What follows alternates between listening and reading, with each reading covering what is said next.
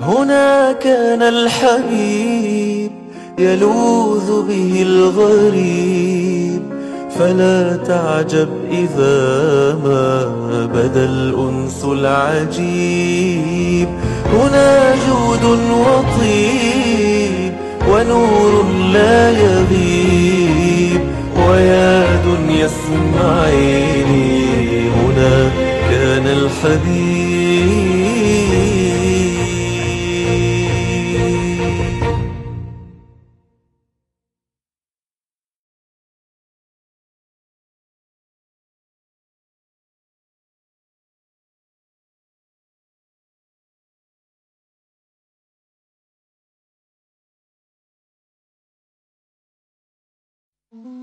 مسجد عداس مسجد بالطائف بني حيث اجتمع النبي عليه الصلاة والسلام بعداس ودعاه إلى الإسلام وآمن. فما قصة رحلة النبي عليه الصلاة والسلام إلى الطائف؟ بعد أن اشتد أذى قريش على رسول الله صلى الله عليه وسلم أذى شديدا رحل النبي إلى الطائف. دعا رسول الله صلى الله عليه وسلم قبائل مكة إلى الإسلام قبيلة قبيلة. يسأل كل قبيلة عن الحماية. يبحث الرسول عليه الصلاة والسلام عن قبيلة تحمي دعوته يأوي إليها. ولكن رفضت كل القبائل حماية النبي عليه الصلاة والسلام. وازداد الأمر شدة بعد وفاة أبي طالب عم النبي عليه الصلاة والسلام. وهذا الرجل أبو طالب لم يسلم. لكنه كان يدافع عن النبي عليه الصلاة والسلام وكان يحميه ويحبه محبة كبيرة. وقف الرسول صلى الله عليه وسلم عنده قبيل أن يموت وكان يعاني من المرض. فقال النبي عليه الصلاة والسلام لعمه أبي طالب يا عم قلها أي قل الشهادتين أشهد لك بها غدا عند الله. فأبى أبو طالب أن ينطق بشهادة الحق. خاف أن تعيره النساء من بعد مماته. فخرج النبي عليه الصلاة والسلام وأخبر بعد مدة بوفاة عمه أبي طالب. ازداد أذى قريش على النبي عليه الصلاة والسلام بعد ممات أبي طالب حتى صار بعض الناس يضع التراب على رأس رسول الله صلى الله عليه وسلم في الطريق وهو ماش. اشتد الأذى جدا جدا جدا حتى إن النبي عليه الصلاة والسلام دخل بيته ذات يوم وعلى رأسه التراب فجعلت بنية للنبي عليه الصلاة والسلام تمسح التراب عن وجهه وتبكي. فيقول النبي عليه الصلاة والسلام لا تبكي يا بنية فإن الله مانع أباك. هذا رسول الله صلى الله عليه وسلم. خرج بعدها حبيب الله إلى الطائف حتى يلتقي ببني ثقيف. يسألهم الإسلام يدعوهم إلى الإسلام ويرجو منهم حماية هذه الدعوة. لكن ما كان من ثقيف إلا أن ردوا دعوة الرسول عليه الصلاة والسلام وحاربوه أشد المحاربة. آذوه وصاروا يرمون عليه الحجارة حتى يخرجوه من الطائف. وكان مع النبي عليه الصلاة والسلام زيد بن حارثة وكان رسول الله يحبه محبة شديدة. فصار زيد يحمي رسول الله صلى الله عليه وسلم من الحجارة حتى شج رأسه فأخذه النبي عليه الصلاة والسلام إلى بستان يأوي عنده. دخل النبي عليه الصلاة والسلام إلى ذلك البستان وصار يشكو أمره إلى الله. اللهم إليك أشكو ضعف قوتي وقلة حيلتي وهواني على الناس. يا أرحم الراحمين إلى من تكيلني؟ إلى عدو يتجهمني؟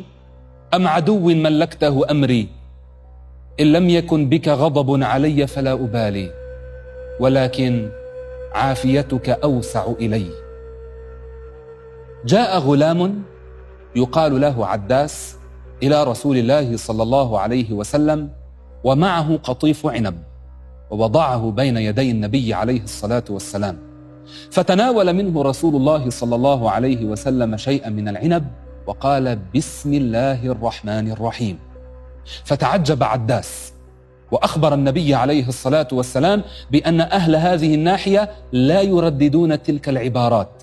فسأله الرسول عليه الصلاة والسلام من أي النواحي أنت؟ فأخبره أنه من نينوى وهي مكان في العراق. فقال له النبي عليه الصلاة والسلام من مكان فيه نبي الله يونس؟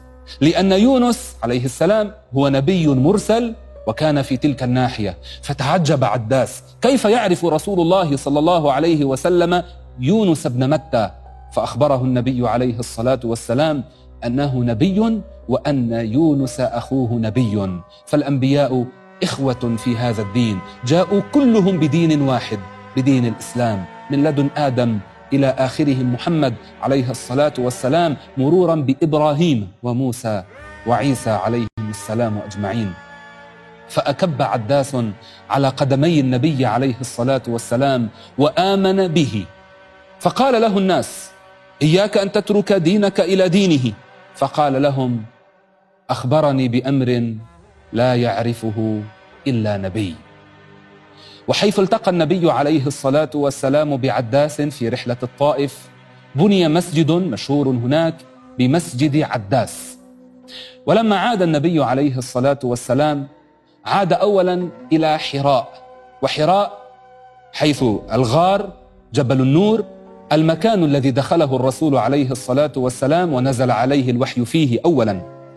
ذهب النبي عليه الصلاة والسلام حتى يطلب الجوار ليدخل مكة.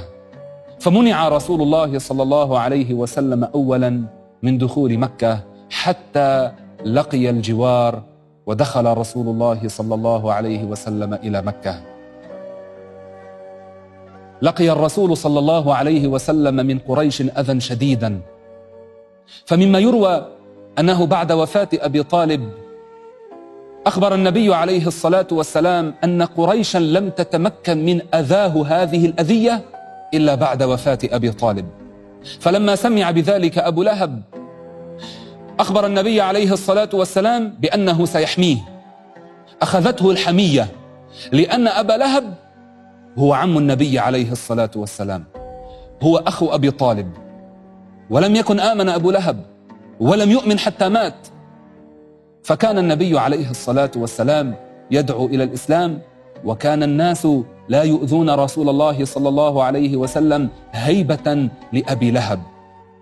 لكن احتال أبو جهل على أبي لهب حتى لا يحمي رسول الله صلى الله عليه وسلم. ليمنعه من حماية النبي عليه الصلاة والسلام. وصار يخبره بما يقول الرسول صلى الله عليه وسلم من أن آباءهم الذين كانوا على الشرك إنما هم في النار. ومن جملتهم أبو طالب الذي لم يؤمن برسول الله صلى الله عليه وسلم لم يسلم. فامتنع أبو لهب من حماية النبي عليه الصلاة والسلام. حتى قال أبو جهل سأحمل صخرة عظيمة ما أطيق حملها. أضرب بها رسول الله صلى الله عليه وسلم غدا فأخذ هذه الصخرة وما إن اقترب من النبي عليه الصلاة والسلام حتى رجع متغير اللون فسئل ما بك يا أبا الحكم؟ فأخبرهم أنه رأى فحلا عظيما إذا اقترب منه أكله. فقال النبي عليه الصلاة والسلام إنه جبريل. وكانت السيدة عائشة رضي الله عنها قد سألت النبي عليه الصلاة والسلام إن وجد شدة وأذى أكثر مما وجده في أحد. فأخبرها عن اليوم الذي لقي فيه الأذى من قوم عبد ياليل وهم من ثقيف الذين دعاهم الرسول صلى الله عليه وسلم إلى الإسلام في الطائف. وأخبرها النبي عليه الصلاة والسلام أنه وقتها جاءه جبريل يقول له سمع الله تعالى ما أجابك قومك يا محمد. وهذا ملك الجبال مره بما شئت. فسأله ملك الجبال قال يا محمد إن شئت أطبقت عليهم الأخشبين أي جبلي مكة. ولكن النبي عليه الصلاة والسلام قال لا أرجو أن يخرج الله من أصلابهم من يقول ربي الله. في الطائف دعا رسول الله صلى الله عليه وسلم إلى الإسلام. هناك كان رسول الله هناك كان الحبيب.